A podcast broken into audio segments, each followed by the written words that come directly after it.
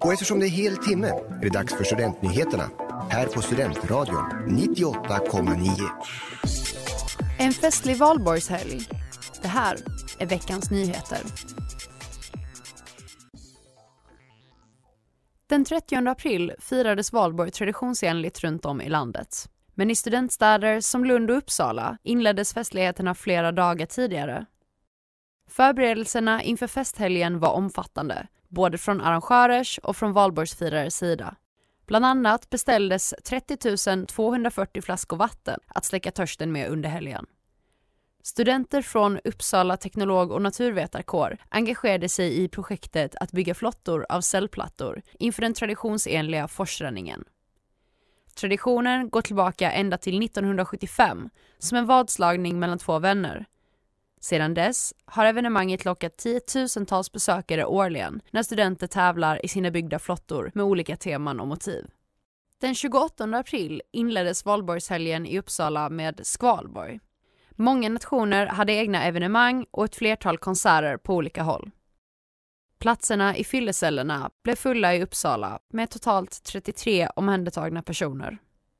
Magnus Jansson Klarin vid polisen i Uppsala uppger till TV4 Nyheterna att kvällen ska varit blöt men ändå inte särskilt stökig. Väl på valborg uppskattas 100 000 personer ha tagit sig till Uppsala. Forsränningen gick av stapeln på förmiddagen och lockade i vanlig ordning många besökare. Vid tre på eftermiddagen hade mellan 45 till 50 000 besökare tagit sig till Karolinabacken för att se den traditionella mösspåtagningen, enligt UNT. Många firare hittades även i Ekonomikenparken på picknick med mat och dryck. Och stämningen, den var god. Det har varit ganska fint väder, trevligt att träffa några gamla kompisar, sitta i parken och bara njuta. Så jag kan inte klaga någonting. Stämningen är lite vild, men det är så det ska vara. Jag tycker det är jättehärligt. Alla tar det väldigt äh, helhjärtat liksom. Det är väldigt härligt. Stämningen har varit riktigt bra. Eh, generellt bara i stan. Alla är jätteglada. Underbart valborg. Trots många besökare och en intensiv folkfest summerar polisen i Uppsala valborgshelgen som förhållandevis vanlig. Det rapporterar UNT.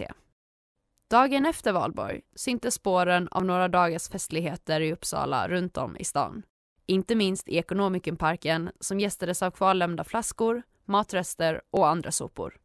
Men uppstädningen var snabb och det är bland annat tack vare Vaksala SK som städar upp efter folkfesten. Redan efter några timmar var parken återställd. Veckans nyheter på Studentradion 98,9 producerades av mig, Vilma Svanberg Eriksson.